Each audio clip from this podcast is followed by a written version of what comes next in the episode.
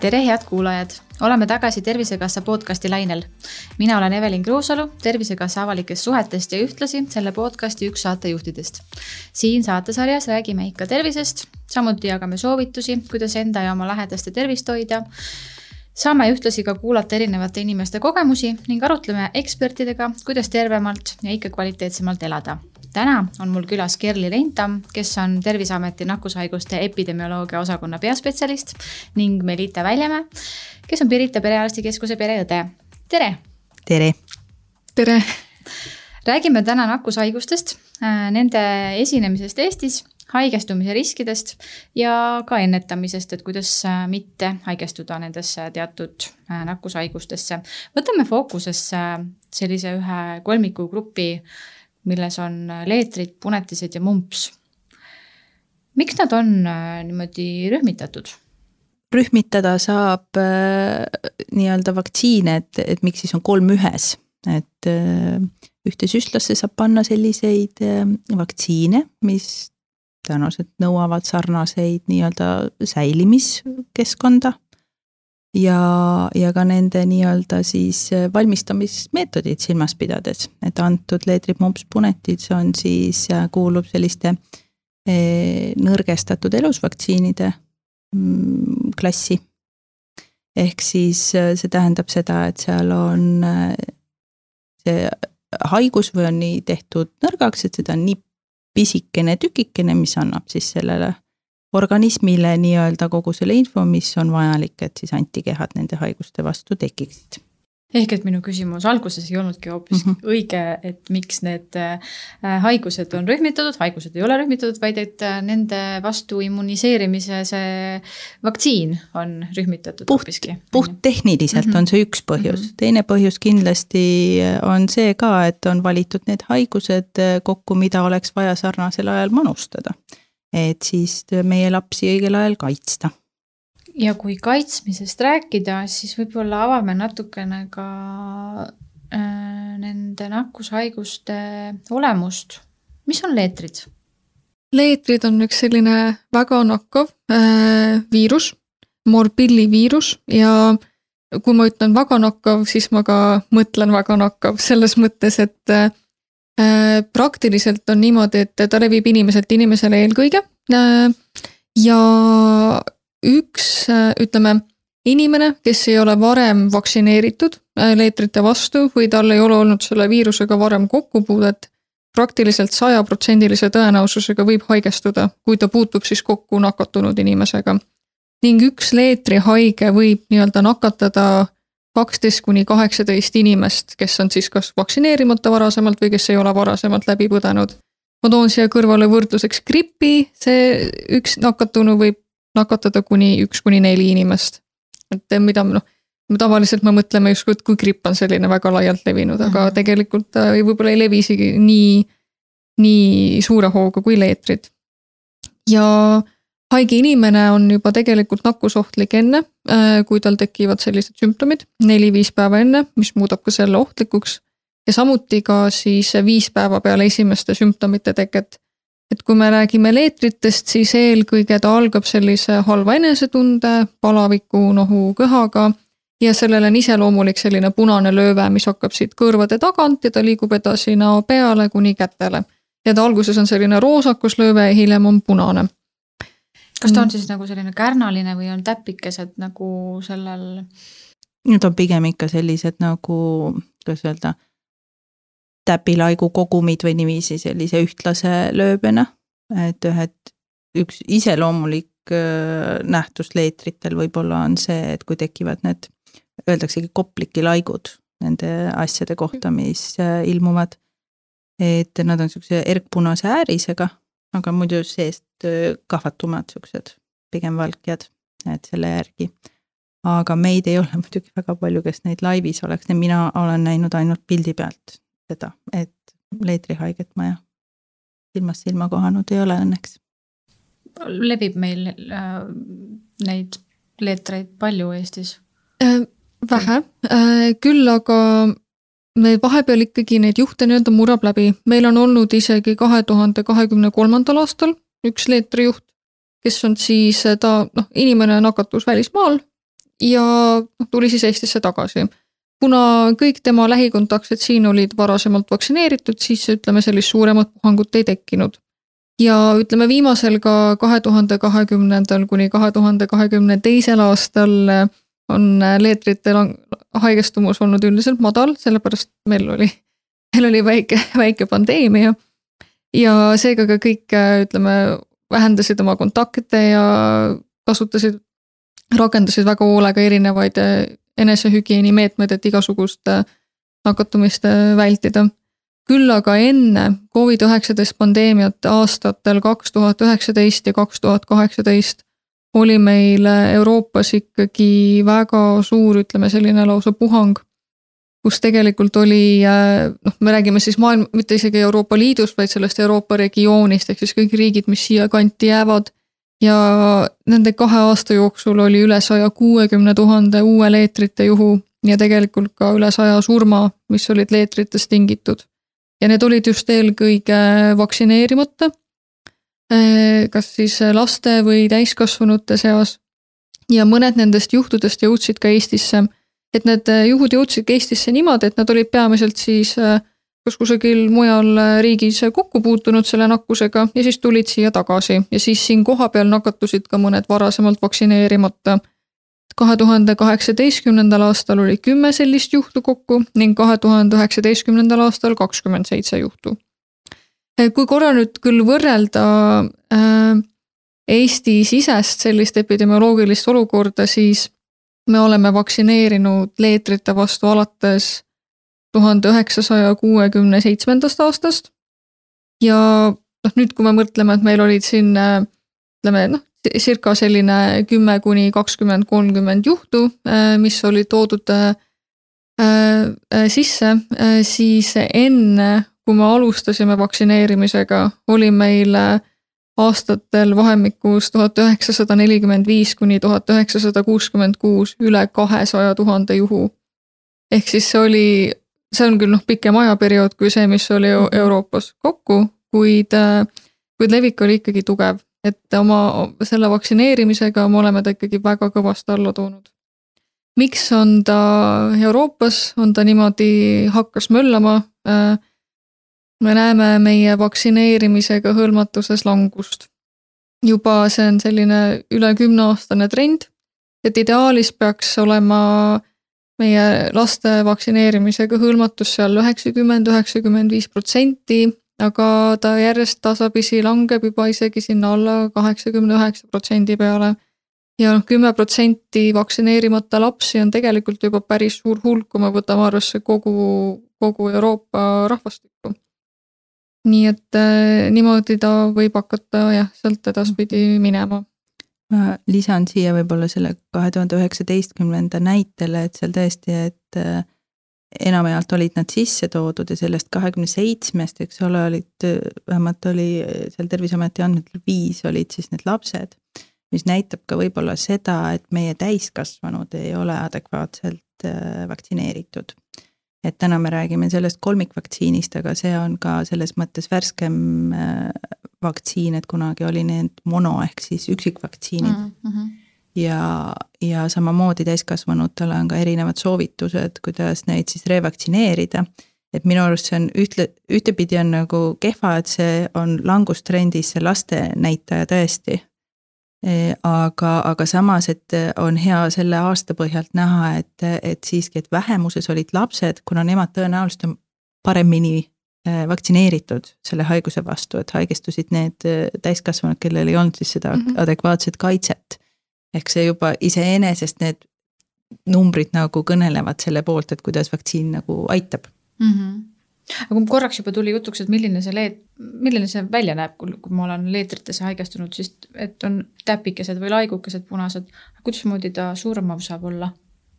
ta on selline, ta on selles mõttes jälle selline haigus, mis tüsistub. et ja, ja Kerli siin just tõi näite sellega ka, et kuna ta on nii hästi nakkav haigus, kuidas me selgitaks võib-olla seda nagu haiguse kontsentratsioonina siis elanikkonnas natuke. et see võib-olla annab sihukest head pilti, et, et kui miski asi on hästi püsiv, hästi nakkav. Eh, ja, ja siis seda haigust saab nii palju, nagu saab vägevaks eh, ja tihtipeale siis ongi niiviisi, et haigestuvad ka lõpuks need vaktsineeritud on ju lõpuks. aga, aga nad ei haigestu nii raskelt. Ehk, ehm, ehk siis oleks, oleks nagu vajalik just nimelt see, et Mm, et, et see tase oleks seal pluss üheksakümmend viis. aga, aga muidu on ta ikkagist see, et, et noh, ta on nagu viirushaigused ikka. Kerli mainis juba need ülemiste hingamisteede nähud, kõrge palavik ja nüüd, kui see koos selle lööbega on ja see on iseloomulik leetri, leetriviiruse lööve on ju. ja, ja kui sealt nüüd ta lööb nii-öelda sisse kuhugi järgmisesse kohta, kõik viirushaigused on niiviisi, et kui, kui inimene sureb, ta sureb tüsistustesse. mis iganes põletik siis äh, see on, on ta kopsudes, on ta siis äh, ajupõletik, on ta siis noh, kõik tavaliselt sellised noh. jälle võrdlus gripiga, eks ole, et gripp justkui pole midagi, aga kui sellest ikka sihuke nii-öelda nõrgemal inimesel tekib raske kopsupõletik, siis ta on ohtlik potentsiaalselt, samamoodi on ka leetritega tegelikult ma just tahtsingi jah mhm. lisada, et äh, nüüd ka on võib-olla ehk elanikkonnas tekkinud teadmine sellisest asjast nagu riskirühmad, et siin on ka, et noh, need vaktsiinid või ütleme, haigused, mille vastu me immuniseerimiskava kontekstis vaktsineerime, noh, üldiselt need on mõjuvad kõikidele, selles mõttes sõltumata sellest, kas ta on nagu riskirühmas või mitte. no riskirühmad on seal kontekstis eelkõige ikkagi lapsed ka. aga aga kui me paneme veel siia juurde ka laps, kes on juba ka, tal on mingi kaasuv haigus, siis on see läbi, raske läbipõdemise või ütleme, halva, halva, ütleme nagu lõpptulemusega lõpe, põdemine on nagu suurema tõenäosusega no esimene doos vist äh, manustatakse esimesel eluaastal on ju, et ega enne seda esimest eluaastat ei olegi võimalik vist neid kaasuvaid haigusi üldse teada saada või on? no mõtlen, oleneb, mitte kõik jah mm, -hmm. osad on, mis on ajas väljenduvad mm. -hmm aga noh, mis siin, ega mis iganes krooniline haigus, et näiteks ka selline, et kui justkui ei puutu otseselt äh ma nüüd ei pea ainult vastsündinud silmisega, et otseselt nagu viirushaigustega kokku, aga kui näiteks inimene on diabeetik, see on igal juhul riskirühm. tal on, organism on, on juba, ta on riskialtim teatud asjadeks, seepärast enam vastu või vastupanuvõime teatud olukordades on kehvem kui mittediabeetikul näiteks. Äh, väga paljudel, äh, see puudutab siis nüüd ehk siukseid suuremaid lapsi ja täiskasvanuid ka, väga paljudel äh, hingamisteede haigest, haigustel on ka tegelikult risk see, et kui me oleme liiga ülekaalulised. pruugigi muud olla. noh, et et neid on erinevaid, et see ei pea olema ainult seotud sellega, et mul on mingi kopsuhaigus mm -hmm. või et mhm. mul peab olema raudselt astma, et see oleks mulle ohtlik, see võib olla mis iganes muu krooniline haigus, südamerike, mis iganes. Kui nüüd leetrite ilming või tunnus oli punased laiukesed täpikesed, siis äh, sellise punasusele viitab ka nimetus punetised. mis need on? Äh, öeldakse ka rubella Äh, tuntakse ka. ning jah, äh, tema kon-, ütleme rubella või punetiste kontekstis on see lööve on selline ühtlasem natukene. Ja ta on ka viirus, äh, respiratoorne viirusnakkus ja kui me ka räägime punetistest, siis ma kohe ka ütlen algustuseks ära, et on nii-öelda see, see punetised, millega me võime elu jooksul nakatuda, on ka siis ka kaasasündinud punetiste sündroom. et see tähendab siis seda, et näiteks äh, naine on äh, lapseootel ja ta nakatub punetistega, siis äh, võivad tema sündimata lapsele tekkida sellised komplikatsioonid, et sõltub sellest raseduse staadiumist, et mida varasem, kui näiteks esimene trimester, siis võib punetiste põdemine isegi noh, lõppeda nagu loote, loote hukkumisega või siis võivad tal tekkida sellised väga rasked südame ja silmade väärarengud näiteks äh, hiljem. et see on, ütleme, et kui siis see laps sünnib, äh, siis temal on ka tegelikult, temal on justkui see kaasasündinud punetiste sündroom ja mida nagu varem see on, seda suurem on tõenäosus, et, et midagi juhtub. aga teine on siis need punetised, millest me räägime, kui need on tava, tavainimene ei ole rasedust ja, ja selles mõttes nakatub siis. et, et jah, et haige inimene on juba enne selle lööbe tekkimist selliste on ta neli kuni seitse päeva juba nakkusohtlik ja mis korra on. segan vahele kuhu kohta täpsemalt see lööbe tekib üldse? ükskõik suvalisse kehapiirkonda või on mingi konkreetne koht, kuhu ta, ta tekib ikkagist nagu valdavalt sihuke ülekereline, sihuke peenpunane mm, -hmm. täpiline. ta on noh, ongi kõige vist õigem ongi öelda, et sihuke peene, peenete punaste täppidega mm -hmm. laialdane lööve ja, ja, ja see on isegi üks neid haigusi, mis tegelikult on täiskasvanutele raskem kui äh, lastele äh, läbi põdeda. täiskasvanutel võib olla see, võib olla see palju raskem. aga miks see on niimoodi, et täiskasvanud põevad äh, kas veidi või pisut rohkem raskemalt kui, kui lapsed seda haigust? noh, me võime siis võib-olla seda sõnastada niipidi, et ta on ikkagi, noh, ta levib ikkagi rohkem ju lastel. selles mõttes, et sellepärast me vaktsineerime ka lapsi. ja eks kuna ta on laste seas ka rohkem levinud, siis on ka rohkem lapsed, kuidas ma ütlen, inimesed on selle viirusega ikkagi kokku puutunud ja noh, siis see tõenäosus seda hilisemas elus põdeda on niikuinii nagu madalam, ma võtaks nagu sellise loogikaga. et kui mingil põhjusel ei ole üldse kokku puutunud, siis võibki see olla see noh, lihtsalt kui me mõtleme ka noh, igasugused need lapsed mängivad kusagil mudas, siis neil on nagu selline tugevam immuunsüsteem ja nii edasi, et noh, erinevate nende antigeenidega on seda kokkupuudet olnud nagu rohkem, et et selline nagu üldine loogika. kui me nüüd tuleks korraks tagasi äh,, kuidas punetised äh, levivad või kuidas, kuidas nendesse haigestuda on, on võimalik? ta eelkõige levib sellise nii-öelda nagu respiratoorselt, ka nende äh, piiskade ja aerosoolidena siis nakatunud inimeselt. ja haige inimene oli siis jah, nakkusohtlik juba enne tegelikult selle lööbe teket, ehk siis juba neli kuni seitse päeva, enne kui sellised väga, ütleme, visuaalsed sümptomid hakkavad. ja kui me vaatame Eestis äh, haigusjuhte, siis viimased kaks juhtu, punetiste juhtu on meil olnud aastal kaks tuhat kolmteist. ja me alustasime vaktsineerimisega üheksakümne teisel aastal äh, ning äh, varasemalt enne seda näiteks perioodil tuhat üheksasada seitsekümmend üheksa kuni tuhat üheksasada kaheksakümmend viis oli aastas keskmiselt üle kolme tuhande kuuesaja punetiste juhu. noh, ka siin näeme, et me oleme selle vaktsineerimisega seda haigus, uute haigusjuhtude esinemist alla toonud. ka Euroopas teda ikkagi on, ma vaatasin just ka sellist viimase kaheteist kuu statistikat, et noh, et nüüd me praegu aasta kaks tuhat kakskümmend kolm algus, kaks tuhat kakskümmend lõpp, noh nüüd meil on juba ka selline noh, ühiskond on juba nagu avatud ja me oleme nagu tavalises, ütleme nii-öelda tavalises igapäevaelus ja nakkushaiguste levikus tagasi. ning äh, näiteks isegi seitsekümmend üks punetiste juhtu on olnud Euroopa Liidus, nendest enamus olid Poolas ligi viiskümmend ja ma just tahtsin ka küsida, et kas on mingisugused konkreetsed sihtkohad, kus, kus kohas võib, äh, võib nakatuda mingisuguste konkreetsete haiguste, haigustesse?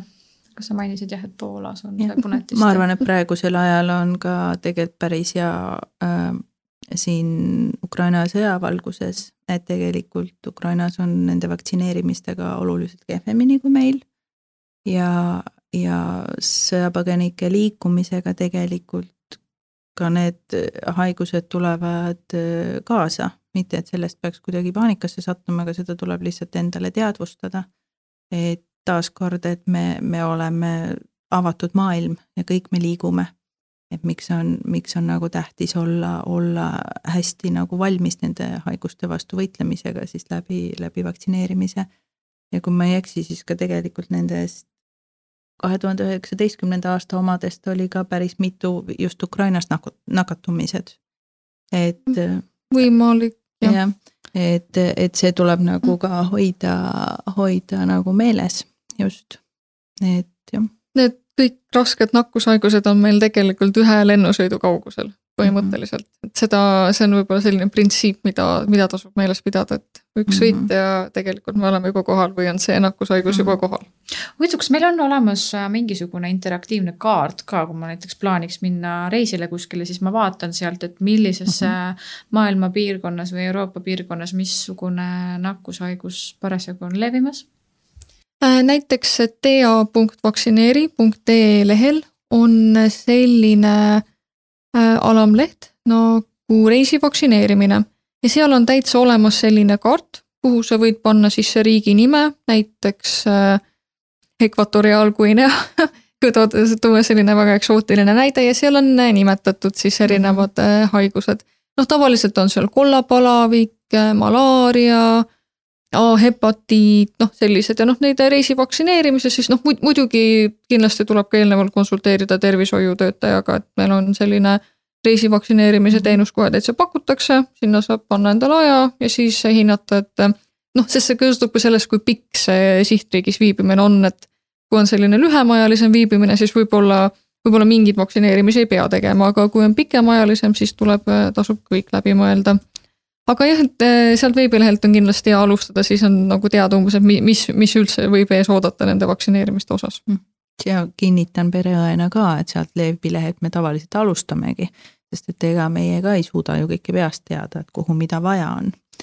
ja, ja mis ma siinkohal võib-olla tahaksin põikena seda reisi vaktsineerimiste teemas öelda, et seda tuleb alustada aegsasti.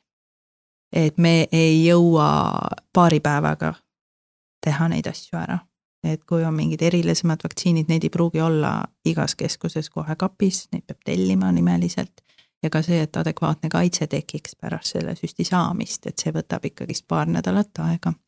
et siuksed pikemad, eksootilisemad reisid, siis tõenäoliselt need lausa üle öö vast ei teki, et kohe, kui reisi planeerima hakata, tuleb ikkagist mõelda siis mõelda siis vaktsiinide peale ka, aga ka see leetripmumpspunetised võib olla seal kirjas täitsa, et on ka poliomeliit on olemas teatud ja on riike, kes kontrollivad seda ka piiri peal, et kas teatud asjad on tehtud, mida nõutakse. Just jah, ma tahtsin ka seda juurde lisada, et üks on need nagu soovitused laiemalt, aga teine on ka tõesti see, mida seal riiki sisenemisel üldse küsitakse, et seda võib vajadusel ka näiteks nende riikide enda kas saatkondades või kusagil igaks juhuks üle täpsustada, mis on need täna praegu kehtivad nõudmised. kui meil tuli juba mumps ka siin korra teemaks, mis imeloom tema on? mumps on selline huvitav, et võib-olla te olete näinud selliseid pilte, kuidas on selline hästi selline äh, paistes äh, äh, kõrvasüljenäärme põletik nii-öelda nimetatakse, et selline nagu sihuke suur paistetus on mm. -hmm. paksukaelalisus et see on selline hästi iseloomulik sümptom sellele. aga jah, ta algab ka nagu selliste tavaliste sümptomitega, ka selline kehv enesetunne, paravik, aga selle pilt võib ka nagu päris palju varieeruda mumpsi puhul, et kõigil ei pruugi tekkida äh, selline nii, ütleme äh, välja eristuv see paksukaelalisus, aga, aga ja on ka neid äh, asümptomaatilisi, peiteperiood on tegelikult ka päris pikk, et äh, ta võib olla üksteist kuni kakskümmend viis päeva lausa. ja ka juba selle peiteperioodi lõpus, isegi kui inimesel ei ole veel sümptomeid tekkinud, ta võib juba ka olla nakkusohtlik.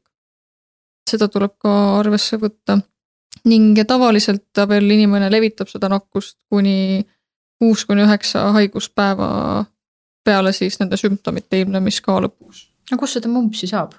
mumpsi sa saad, kui sa mumpsi haigiga kokku puutud, et ega see on samamoodi, on ta, on ta niiviisi piisknakkusega ja ka kontaktina leviv.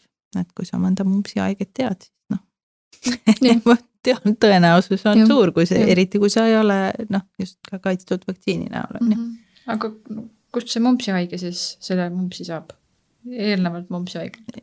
Jah, haigused ikka on, see on, see on see küsimus, kust need tulevad, eks ole, et, et teatud hulgas inimeste keskel ikka haigused on alati olemas. see, palju nad levivad, see sõltub natukene meie käitumisest. aga nad on olemas maailmas, ega nad ei ole kuhugi kadunud. et ja, ja see, kui palju neid, kui palju neid jälle nii-öelda haigustena välja tuleb, ongi noh, meilt, aga üldjuhul ikka haige inimene jah, on see, kes levitab kuidas ta meil Eestis levib, on, on teda nagu juhtusid olnud siin hiljuti? üldiselt teda on harva, sellised üksikud juhud vahel on. Äh, aastal kaks tuhat kakskümmend kaks oli isegi neli juhtu ja aastal kaks tuhat neliteist kümme juhtu, aga noh, ta ei, seal ei ole nagu mingit sellist äh, suurt plahvatuslikku puhangut meil hiljuti olnud. võib-olla üldse ka, miks need mumpsi, mumpsi nakatumised niimoodi natukene läbi pääsevad, on sellepärast, et äh, kui leetrite ja punetiste vastu see kolmikvaktsiin on väga kõrge efektiivsusega siis mumpsi vastu peale seda teist annust ta noh, ta jääb ka sinna selline noh, kaheksakümne protsendi juurde või niimoodi, noh, ta on natukene vähem efektiivne. et vahel, et sealt juba tekib see nii-öelda auk, kus ta, see viirus äh, murrab ennast läbi ja nakatab ka, ka vahel neid, kes on äh, juba vaktsineeritud. ning äh, ta Euroopas ka Äh, teda ikkagi on, aga mitte ka nagu väga raskelt, et noh, näiteks kahe tuhande kaheksateistkümnendal aastal oli ka üle üheteist tuhande juhu, aga noh, nagu mitte nagu sellest tingitud surmasid näiteks. ja me ka vaktsineerime selle vastu juba alates tuhande üheksasaja kaheksakümne esimesest aastast. ja noh, tegelikult enne, kui me hakkasime vaktsineerima, siis haigestus Eestis iga aasta üle kuue tuhande viiesaja inimese keskmiselt, kui perioodil siis tuhat üheksasada viiskümmend kolm kuni tuhat üheksasada kaheksakümmend nii et, äh, et isegi kui seal natukene need mõned pääsevad läbi, siis kuue tuhande pealt oleme me tulnud nelja peale, et see on ikkagi märkimisväärne vahe ja vaktsiin selles mõttes ikkagi toimib. kui kaua haigus kestab inimesel, kui kaua inimene on mumpsiga?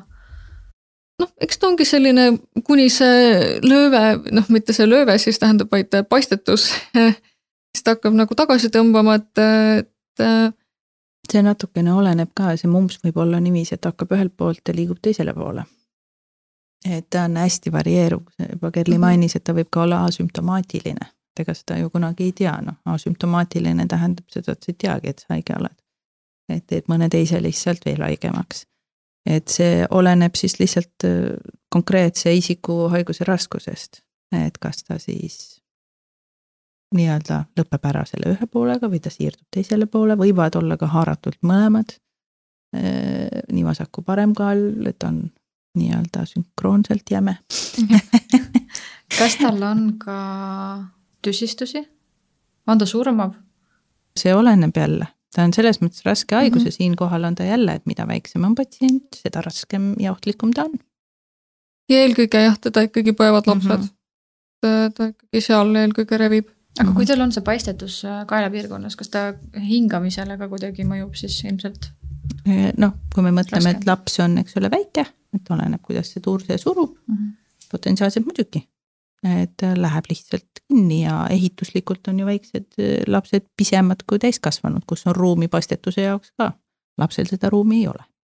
et see tegelikult tuleb välja ju noh, iga nohuga piltlikult, et kuidas nohu väikse lapse jaoks on palju vastikum haigus, eks ole, kui, kui täiskasvanul. et see on anatoomiline iseärasus juba sealjuures. kui nüüd mumps ja leetrid ja punetised on meil äh, riiklikus immuniseerimiskavas, siis mitu korda vaktsineeritakse selle, selle kolmik, kolmiku vastu? vaktsineeritakse kaks korda, esimene kord on üheaastaselt siis äh, perearstikeskuses ja teine kord tehakse siis äh, kolmeteistaastaselt kooliõe poolt juba ja siis sellega on, on tehtud. et nüüd need inimesed, kes siis on äh, nii-öelda vanemad juba ja on saanud seal mõne nii-öelda selle üksikvaktsiini mm, -hmm. et nemad muidugi siis, nendel on soovitus teha see üks doos lisaks seda kolmikvaktsiini, et see sihuke kaitse oleks nagu adekvaatne ja nendele tuletab siis perearst või pereõde meelde, et see on soovituslik teha see doos. no ütleme niiviisi, et rutiinselt, äh, rutiinselt ei pruugi seda tulla, kui mõne muu murega vastuvõtule tullakse, aga, aga noh, sellest võiks jah olla teadlik, kui vaktsiinidest juttu tuleb, siis ikka tuleb juttu sellest ja see on sünniaasta järgi nagu aimatav. või kui inimene teab näiteks, et kas ühte või teist haigust on põdenud või mitte aga selle kohta on ka hästi konkreetsed, hästi konkreetsed juhised juba riiklikult. et, et need, kes ei ole põdenud ja, ja üldse ei ole kokku puutunud, et ka täiskasvanud sellisel juhul teeksid kaks doosi. aga oluliselt väiksema vahega, siis on kuuajalise vahega tehakse need kaks doosi. aga kui, kui, kui nendel äh, haigustel on äh, kahedoosiline, jah, kahedoosiline vaktsineerimine, siis vist ei teki võimalust, et võib, võib äh, meelest ära minna, et seda teist doosi saada, noh väikelapsega ema käib küll perearstikeskuses, aga, aga koolilapse puhul. Mhm. no seal on ta vaateväljas, tõsi mm, -hmm. et kooliõde tuletab mm -hmm. selle mhm. meelde ja, ja tema ülesanne ju ongi jälgida neid lapsi ja lapsi üldjuhul ongi kergem jälgiga, jälgida, kuna nad satuvad mis iganes probleemide, haigestumistega rohkem meie vaatevälja ja ka siis nendele ennetusvisiitidele, jälgimisvisiitidele, et kuidas laps areneb ja kasvab. et äh, keerulisemaks jah, läheb siis, kui, kui nad saavad suuremaks ja see nii-öelda intervall vastuvõttudel läheb suuremaks et seal läheb see vastutus aina rohkem ikkagist äh, siis patsiendi või siis tema vanemate kaela. kas meil on mingisuguseid tüsistusi ka või, või äh, raskemaid äh, juhtumeid, et mis võib juhtuda peale vaktsineerimist nende haiguste vastu mm? -hmm. ütlen ikkagist kõige need üldtuntumad taaskord ära, mis on universaalsed ja puudutavad igat vaktsineerimist. süstekoha valulikkus, turse ja punetus, mis on selline oodatav ja ka palaviku tõus, mis on selline viiskümmend, viiskümmend, et kellel tõuseb, kellel ei tõuse. ja neid me teame oodata, et tulevad ja sugugi mitte kõigil ei pruugi tulla. et et tihtipeale see võib lõppeda ka sellele, et see torkevalu lihtsalt oli ja see oli see kõrvalmõju nii-öelda ebasoodne, mis me, mida me ei taha. sellel äh, konkreetsel vaktsiinil on küll äh, ka, et kui selle immuunsuse tekke ajal, äh, see on väga harv, aga võib tekkida ka selline lööbeline element kere peale.